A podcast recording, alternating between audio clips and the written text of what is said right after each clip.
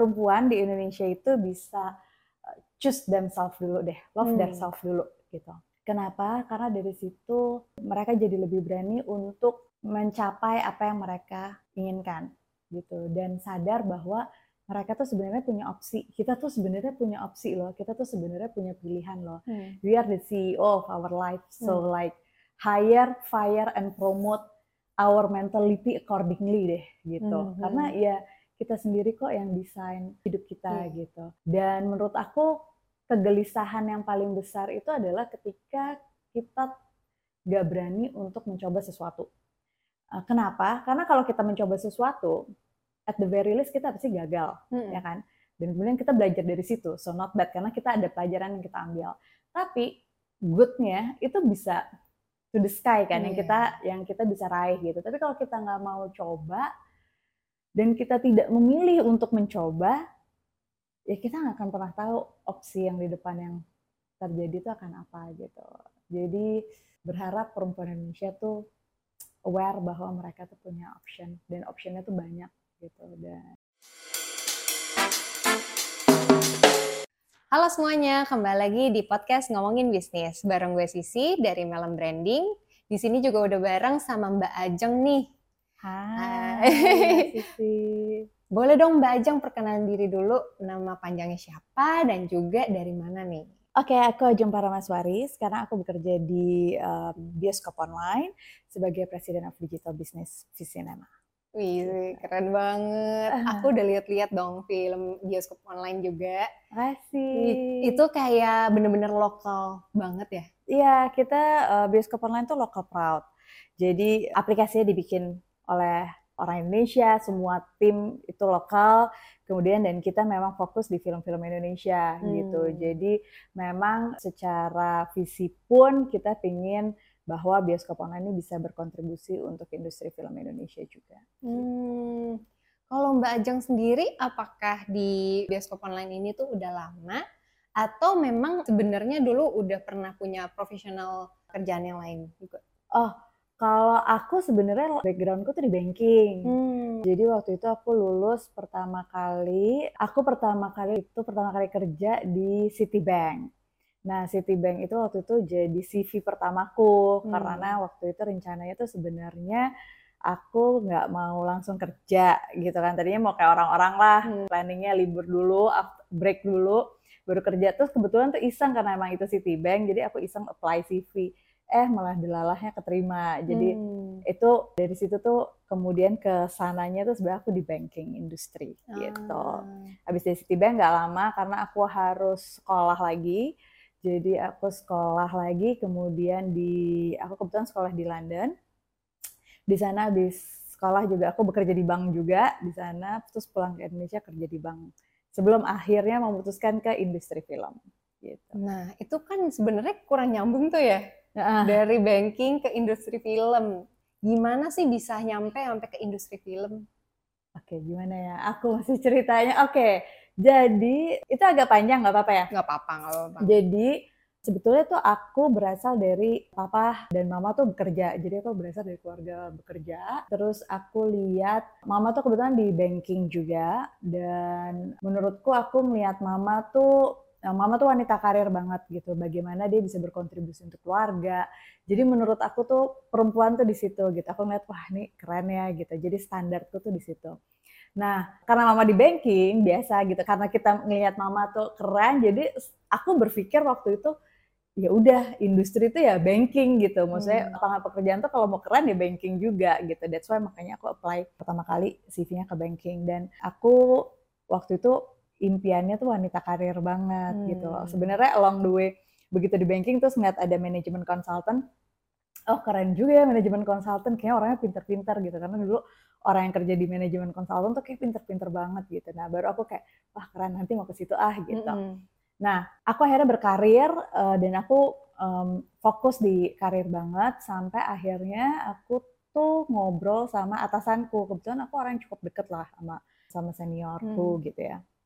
Nah, atasanku itu family man banget gitu. Terus dia nanya ke aku, apa sih yang mau kamu capai gitu dari Hmm. bekerja?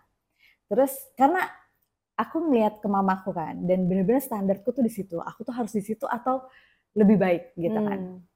jadi aku bilang ya aktualisasi diri kemandirian gitu kan terus udah gitu ya sukses gitu kan terus bosku ini bilang kalau kamunya sukses tapi one day kamu punya anak-anak yang nggak sukses anaknya gagal kamu consider sukses atau enggak Hmm. gitu.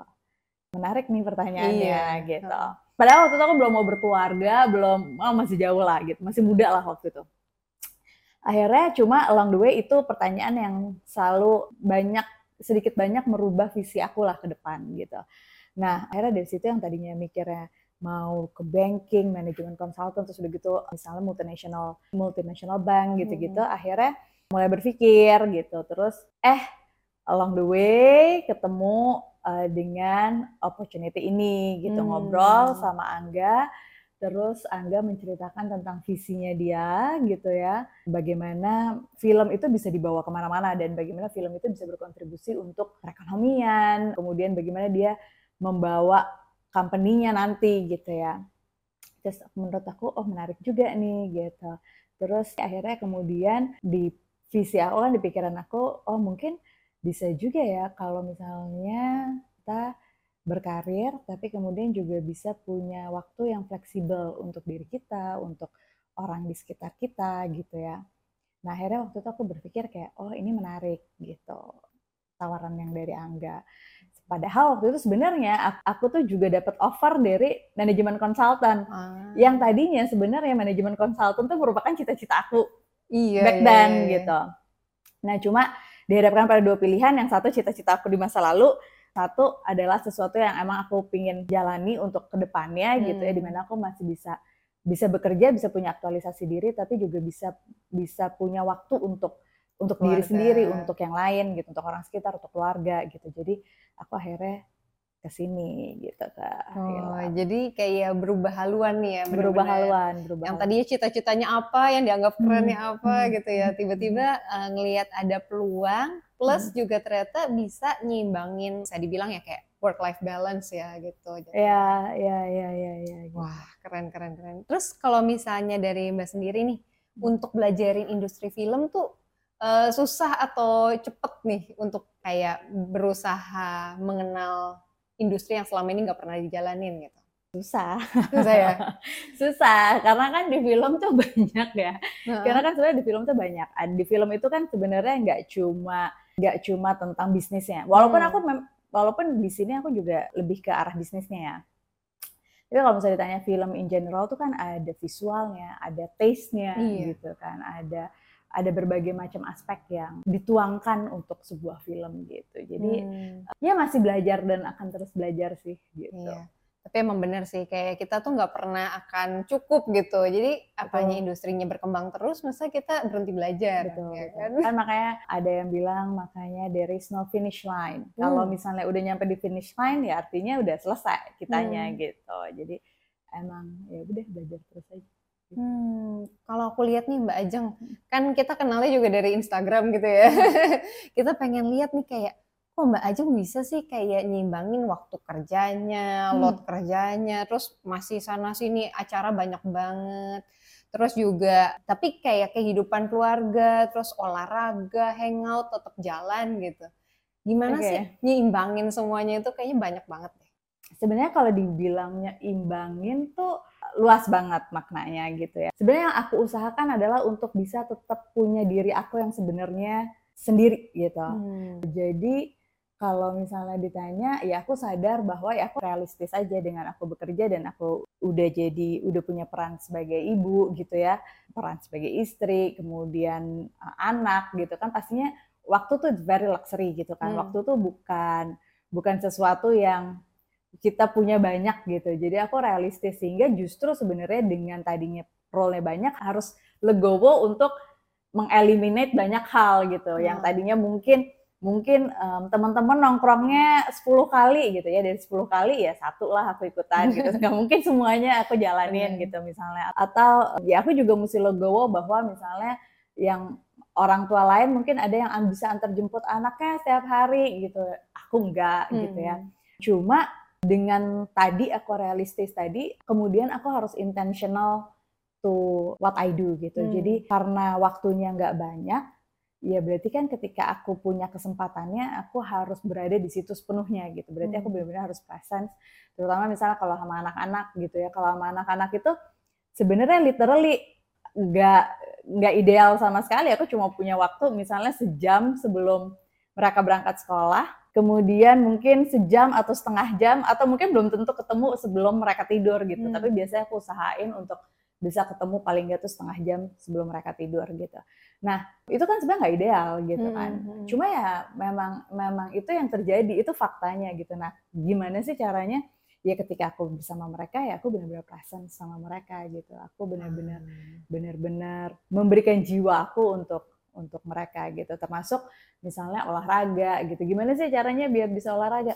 Ya olahraga ya berarti bangun lebih pagi untuk kemudian kita bisa olahraga Hmm, gitu. Hmm. jadi kita tetap bisa punya slicing masing-masing gitu sih. Bisa dibilang jadinya orang tuh kadang alasan ya. Udah nggak punya waktu Benar. nih ya kan? Sering Benar, banget. Maksudnya kayak ah boro-boro olahraga waktu ini aja udah nggak bisa misalnya benar, gitu benar, benar, benar. padahal sebenarnya kalau kita mau slicing kehidupan kita tuh bisa-bisa aja iya gitu dan kadang-kadang orang tuh suka berpikir bahwa mereka nggak punya opsi Hmm. Padahal ya kita punya pilihannya gitu, tinggal kita mau ambil pilihannya atau enggak. Aku setuju banget sih Mbak Ajeng maksudnya kayak sebenarnya orang bisa milih gitu kan Iya. dan sebenarnya bener banget kita bukan masalah punya waktu enggaknya Mm-mm. tapi kita menentukan prioritasnya dulu gitu kan Mm-mm, menentukan mm-mm. prioritasnya dan kalau emang udah tadi misalnya Mbak Ajeng bilang sebenarnya nggak ideal nih kalau jadi ibu rumah tangga kan sebenarnya harusnya uh, all in nih buat anak misalnya gitu Iya, tapi iya. kan kita udah memilih jadi wanita karir nih Hmm. Berarti tadi bisa kayak sejam sebelum berangkat sekolah sejam Hmm. sebelum uh, tidur misalnya gitu Mm-mm. tapi mungkin ya kita all out nggak usah sambil megang HP misalnya gitu Iya, iya, iya. bener-bener iya, iya. fokus Iya, iya. Dan sama ini sih, aku juga em, kalau ke anak-anak, tuh aku tuh nggak nggak nggak nggak pernah menganggap mereka kalau aku ngajak ngobrol mereka, aku nggak pernah menganggap mereka tuh anak kecil. Hmm. Jadi kalau misalnya kayak soal pekerjaan gitu, ya aku kasih tahu konsep kenapa aku bekerja gitu, Hmm. dan aku kasih tahu alasannya kenapa sih aku bekerja gitu. Dan dengan aku memberitahu ke mereka, aku juga pingin mereka merasakan. Jadi misalnya contoh supaya mereka paham gitu kenapa Hmm. aku juga bekerja gitu. Jadi misalnya contoh ketika mereka mau sesuatu gitu ya, misalnya mereka mau mainan anggaplah gitu. Ya aku bilang in order untuk dapat mainan tersebut, coba deh bikin project dulu, nanti projectnya dijual gitu. Ah. Coba deh melakukan sesuatu dulu gitu. Nanti dapat uang, dapat Hmm. uangnya gitu. Nanti ditabung supaya supaya bisa beli mainannya gitu. Jadi dia tahu bahwa untuk membeli sesuatu yang dia pingin dia harus bekerja terlebih dahulu gitu dan Hmm. jadi itulah yang aku juga sampaikan jadi anak-anak juga paham gitu bahwa ketika aku cerita ke mereka aku pingin aku kasih tahu cita-citaku gitu Hmm. misalnya kayak pingin sekolahin mereka di sekolah yang bagus gitu gitu jadi mereka juga paham oh ini kan sama ya kayak aku kalau mau beli mainan Hmm. Iya, gitu, iya. gitu. Kayak konsepnya ngerti gitu. konsepnya ngerti gitu Nah, tapi bagus sih. Maksudnya walaupun sekarang anaknya Mbak umur berapa nih kira-kira? lima tahun sama yang pertama lima tahun yang kedua tiga tahun Nah, ini kan masih kayak umur 3 tahun sampai 5 tahun. Sebenarnya kita bisa aja nganggap mereka tuh masih anak-anak gitu ya. Kayak Iya. nggak ngerti nih gitu. Tapi kalau kita nggak ajarin sejak dini, dia nggak akan ngerti juga kenapa orang tuanya tuh pulang malam misalnya Iya, gitu. iya. Dan kadang-kadang kan ada juga, ya walaupun aku juga kadang-kadang ya pasti ngerasa bersalah lah ya gitu. Hmm. Kalau misalnya aku video call gitu, terus anakku bilang, ah, pulang dong gitu. Terus aku misalnya belum bisa pulang atau misalnya di- mereka protes gitu ya. Pasti ada lah momen-momen itu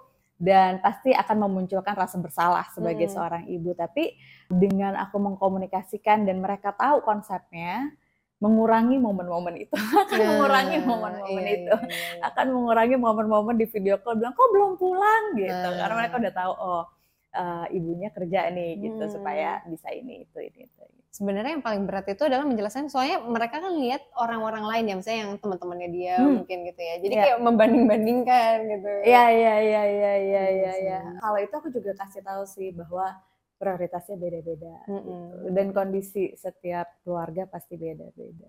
Dan kayak gitu sih sebenarnya bagus banget supaya kayak mereka pola pikirnya kebentuk nih dari kecil gitu ya. Iya, iya. Happy banget sih. Aku juga seneng gitu. Kayak aku punya cita-cita yang sama sama Mbak Ajeng kayak pengen jadi wanita karir Hmm. gitu. Kalaupun udah misalnya berkeluarga, punya anak, aku juga pengen kayak maksudnya tetap kerja, tetap kayak berkarya gitu. Hmm, hmm, hmm. Ya emang passion aku juga di situ gitu. Iya, iya, iya. Makanya aku pas ngeliat Mbak Ajeng nih kayak ih keren banget ya bisa tetap bisa olahraga juga. Aku aja masih kayak olahraga seminggu sekali atau dua kali gitu loh. Udah paksain banget. Ayo dong. pengen juga sih, pengen banget. Enggak itu sebenarnya karena aku juga kalau badannya sebelah sisi juga Hmm. aku mungkin olahraganya seminggu sekali ya. Hmm, kenapa tuh? Nggak, cuma kan maksudnya nggak semua orang terlahir dengan privilege badannya ideal dari awal sampai lahir sampai sampai akhir walaupun dia udah makannya banyak gitu kan nggak semua orang begitu Hmm. gitu kalau aku ya ya aku tahu aku harus usaha gitu Hmm. kalau enggak ya jebol juga gitu Iya, iya. kalau enggak ya aku ini juga gitu. Kalau di Mbak Ajeng nih kayak eh, kan kerja profesional. Hmm. Seberapa pengaruh sih kayak penampilan di dunia kerjanya Mbak Ajeng? Sebenarnya kalau penampilan sih as in fisik sih sebenarnya enggak ya gitu. Mm-mm. tapi bagaimana sih sebenarnya penampilan mempengaruhi confidence tingkat confidence sih gitu. Kalau orang confidence-nya itu bagus gitu I believe pasti self love-nya juga bagus gitu. Nah Hmm. ketika self love-nya bagus pasti keluarnya juga bagus gitu kan. Pasti keluarnya juga energinya juga enak gitu. Jadi ya orang tuh juga senang gitu. Jadi ya mungkin lebih di situ ya gitu. Mungkin lebih ke kepercayaan diri sih gitu. Bukan penampilan as in fisik harus cantik, harus ganteng Hmm. enggak juga sih gitu. Tapi bagaimana kemudian dia bisa percaya diri untuk membawa dirinya dia sih. Hmm, menurutku. hmm, Yang penting. Karena yang aku lihat ya, kadang orang nggak perlu yang cantik-cantik gimana gitu. Mm. Tapi kalau dia udah confidence dan dia tahu value diri dia tuh kayak gimana, Iya. ketemu sama orang tuh tetap aja gitu, nggak Iya. ada malu, terus kayak sungkan atau apa gitu. Iya iya bener banget. Apalagi kalau misalnya ya sebenarnya kan yang menarik dari orang yang tahu self worth-nya itu adalah kalau dia udah tahu self worth-nya, kalau dia bisa nemuin self worth-nya di dirinya dia, nggak akan ada orang yang bisa ngejatuhin. Iya, Karena dia sadar bahwa yang membangun self worth-nya itu adalah dia sendiri. bener sih. Gitu. Setuju banget Ajeng. Dan kayaknya sih emang untuk wanita karir kayak penting banget ya untuk kayak dia tahu self worth-nya dia. Jadi Hmm. kadang kan di luar sana orang bisa dibilang ya dulu awal-awal masuk ke bisnis tuh pasti banyak kan cowok awalnya Hmm. gitu. Terus kalau misalnya udah mulai banyak cewek pun tetap aja kayak pendapat orang tuh kayak susah gitu didengar Hmm. gitu kan. Nah, kalau misalnya kita udah tahu self worth-nya kita dan kita pede Hmm. sama diri kita sendiri, pastinya itu ngebantu juga kayak kita diterima dengan baik juga nih sama orang lain. Benar, benar banget. Nah, kalau dari Mbak Ajeng sendiri nih, ke depannya ada visi apa sih yang mau dicapai nih? Kalau aku ya, visinya ya. Kalau terkait pekerjaan tentunya visi aku adalah bagaimana kok lebih banyak orang Indonesia itu untuk cinta sama film Indonesia.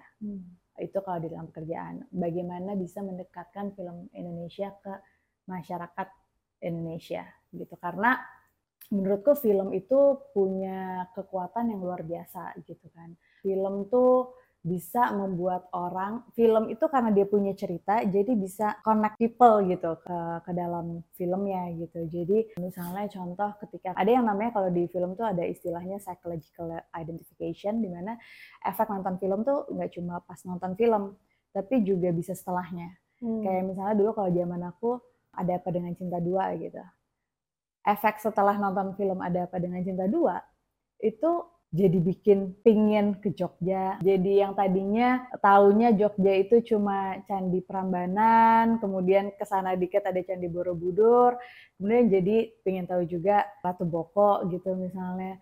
Kemudian jadi nyobain sate kelatak. Pokoknya semua yang cinta cobain kayaknya jadi pingin gitu kan Hmm, waktu itu hmm. di eraku. Nah, sehingga itu sangat mempengaruhi pariwisata Jogja kan gitu. Nah, itulah kekuatan film gitu. Jadi menurutku kalau misalnya orang Indonesia mau support film Indonesia gitu akan sangat kuat sekali industrinya karena kita ngomongin market aja udah 70 jutaan Hmm. orang gitu kan Bener. di Indonesia gitu sehingga sehingga industrinya besar sekali dan capability-nya untuk scalability-nya besar sekali. Kemudian ketika dia bisa jadi tuan rumah di negaranya dia sendiri, Hmm. maka dia kemudian bisa pergi ke atau misalnya dia bisa travel ke Hmm. negara lain gitu. Kita bisa lihat kayak Korea lah gitu misalnya contohnya. Korea kan ya sekarang kita kenal makanan Korea dari mana? Ya dari film kan Iya, gitu dan bagaimana kemudian kebudayaan Korea tuh sangat dikenal di Indonesia ya karena dari film gitu. Jadi menurutku penting banget untuk bisa mendekatkan film ke rakyat Hmm. masyarakat Indonesia. Itu kalau yang pertama. Kalau yang kedua, Sekarang ngurusin bisnis jadi lebih mudah loh. Kita bisa ngurusin DM Instagram, Messenger, Telegram, WhatsApp, email, bahkan telepon dalam satu platform CRM yang mudah. Udah termasuk sama task management, profile customer, dan juga sales bot loh. Buat kamu yang mau coba, lagi ada free trial 14 hari dan dapetin potongan 15% dengan klik link di deskripsi. sebenarnya perempuan di Indonesia itu bisa choose themselves dulu deh, love Hmm. themselves dulu gitu.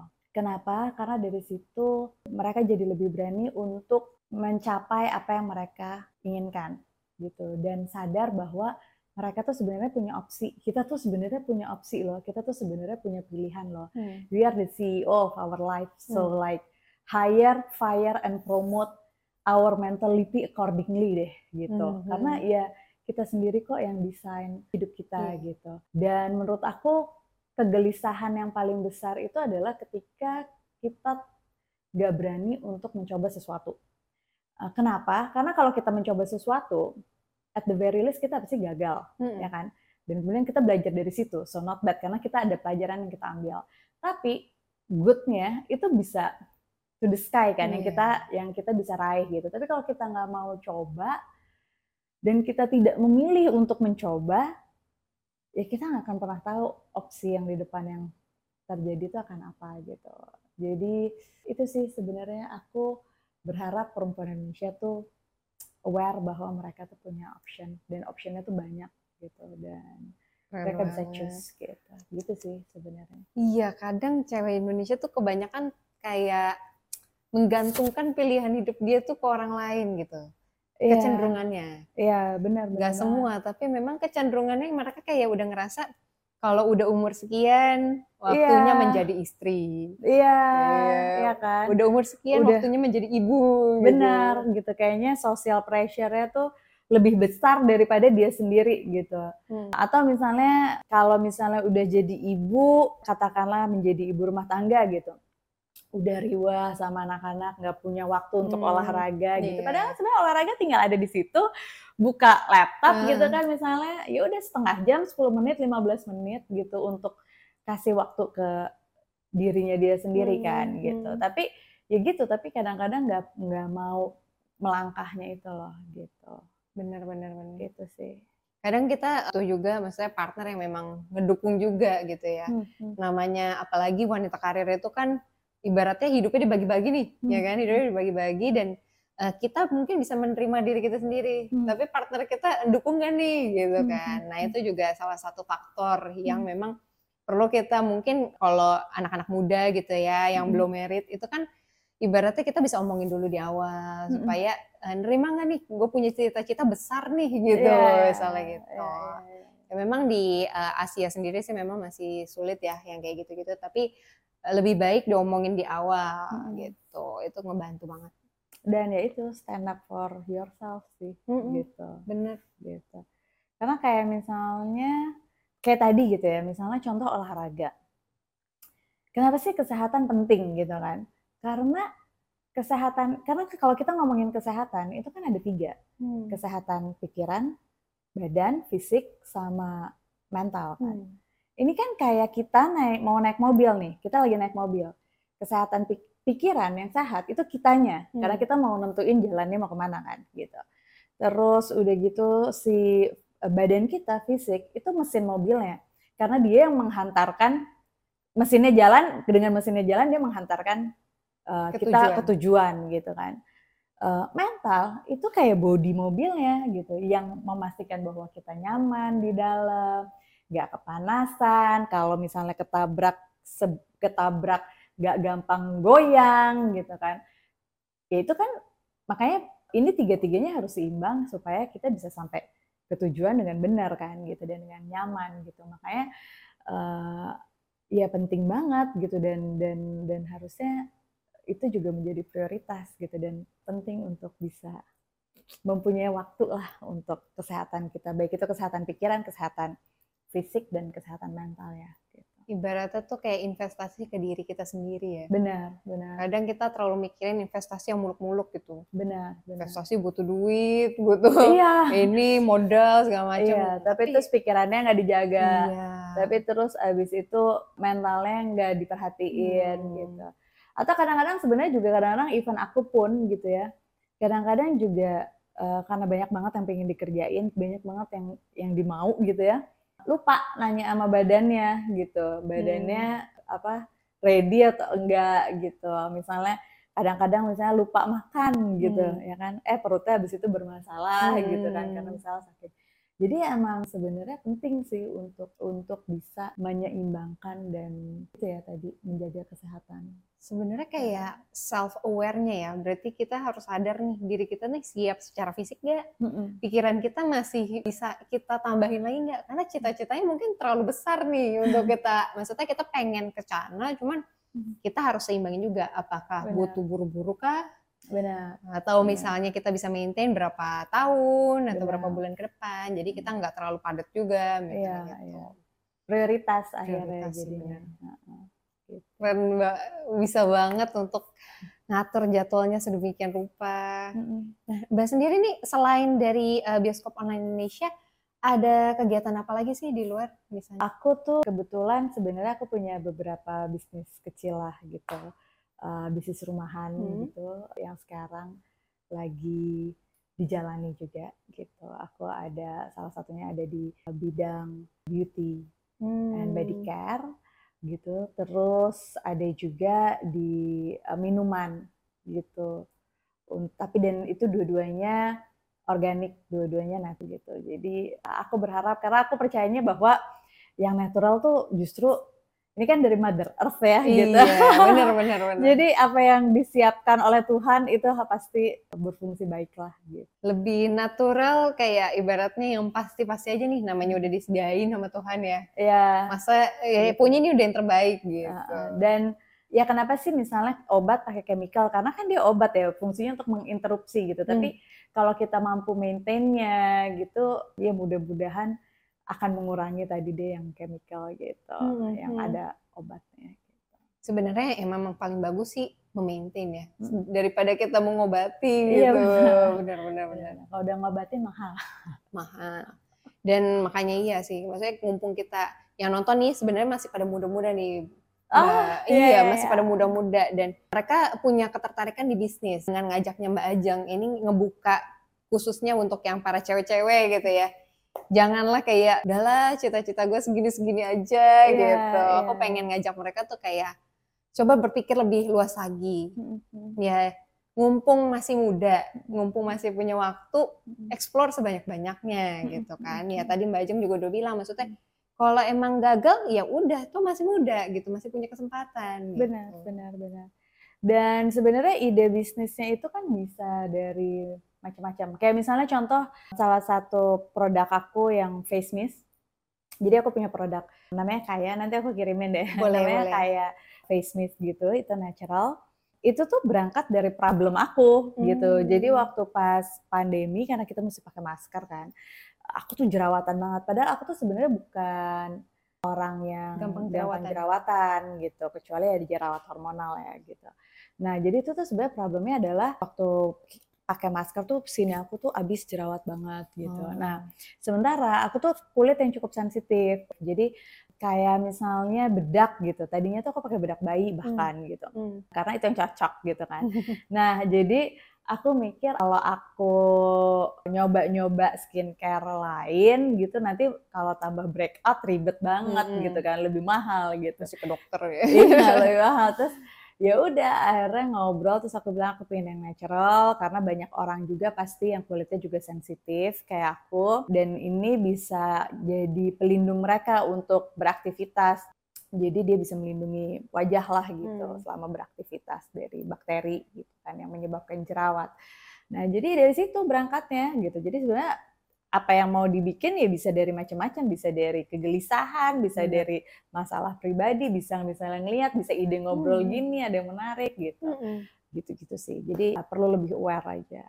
Dan kadang kalau kita berangkatnya dari kegelisahan kita tuh kayak kita lebih peduli gitu karena relate sama kita. Benar, benar. Apa yang kita butuhin dan kita Benar. yakin nih ternyata nggak cuma kita kok yang butuh ini gitu. Benar, benar. Ada ada marketnya gitu. Itu bisa jadi ide bisnis juga. Iya. Oh, dan apalagi karena kita juga udah tahu dan kita juga udah ngerasain manfaatnya gitu. Hmm. Jadi lebih pingin lagi orang-orang untuk Cobain coba nih. gitu Ah, benar, manfaatnya gitu. Nanti kita kasih di link juga di deskripsi Oh, siapa yang iya, tahu siap. pada pengen lihat juga nih Siap, akunnya. siap, siap. Terus yang satu lagi apa tuh yang minuman tuh? Eh, kalau minuman itu jadi dia jus garlic, Hmm. eh, jus bawang putih, Hmm.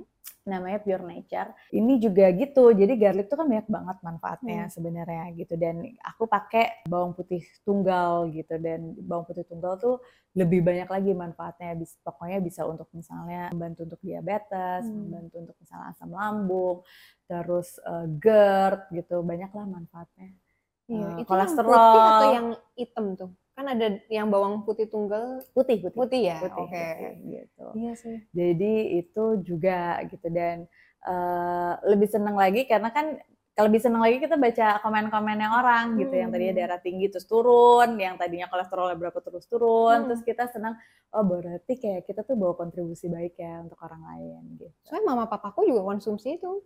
Oh ya. Iya, konsumsi bawang tunggal. Oh, Nah, cuman nggak pernah cobain yang berupa jus nih. oh ya, ya, ya. nanti aku Gitu. kirimin deh. Boleh, boleh. Gitu. Karena mereka Gitu. biasanya makan yang butiran kan. Hmm. Sedangkan kan bau ya kalau kayak gitu Iya, ya. iya, iya. Nah, Gitu. kalau ini tuh jadi yang yang kita punya itu nggak kita ilangin ampasnya Hmm, gitu. Jadi ada beberapa yang udah jadi airnya aja gitu. Nah, benar-benar kita masih ada tuh si bawang putihnya itu, si ampas bawang putihnya. Jadi begitu pas diminum tuh masih berasa. Hmm. Tapi kita udah kan kita udah campurin sama macam-macam. Hmm. Jadi ya nggak bau, Hmm. cuma ngerasa gitu. Oh, ini Ah, masih lebih lebih ada realnya. ah, lebih greget gitu Iya, gitu. iya, iya, iya. Gitu Pasti sih.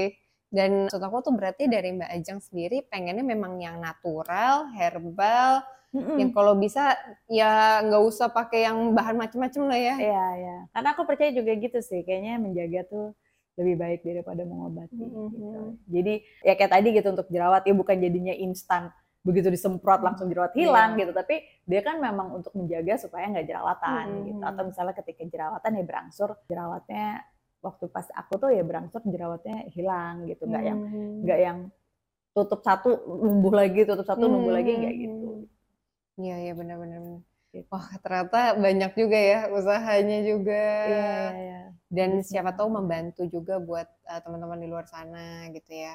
Ya, Jadi mudah-mudahan. Kadang-kadang kan yang cuman kalau ditanya nih ya, kalau beberapa yang kita ketemu gitu ya, pas Hmm. kita interview, itu pasti tuh ada aja yang jawab kayak, oh uh, ada peluang nih, yang penting cuan misalnya Hmm. gitu. Tapi ya ternyata uh, bisnis yang sustain itu biasanya memang punya purpose gitu. Iya, dan dan buat kita tuh ya gitu sih kita seneng banget sih baca review orang dan punya impact gitu Hmm. untuk orang itu gitu. Kayak misalnya ada yang udah beli sampai 10 kali buat orang tuanya gitu kan Hmm. kayak buat kita jadi yang oh we do good lah gitu. Iya, iya, iya. To others juga gitu. Benar-benar.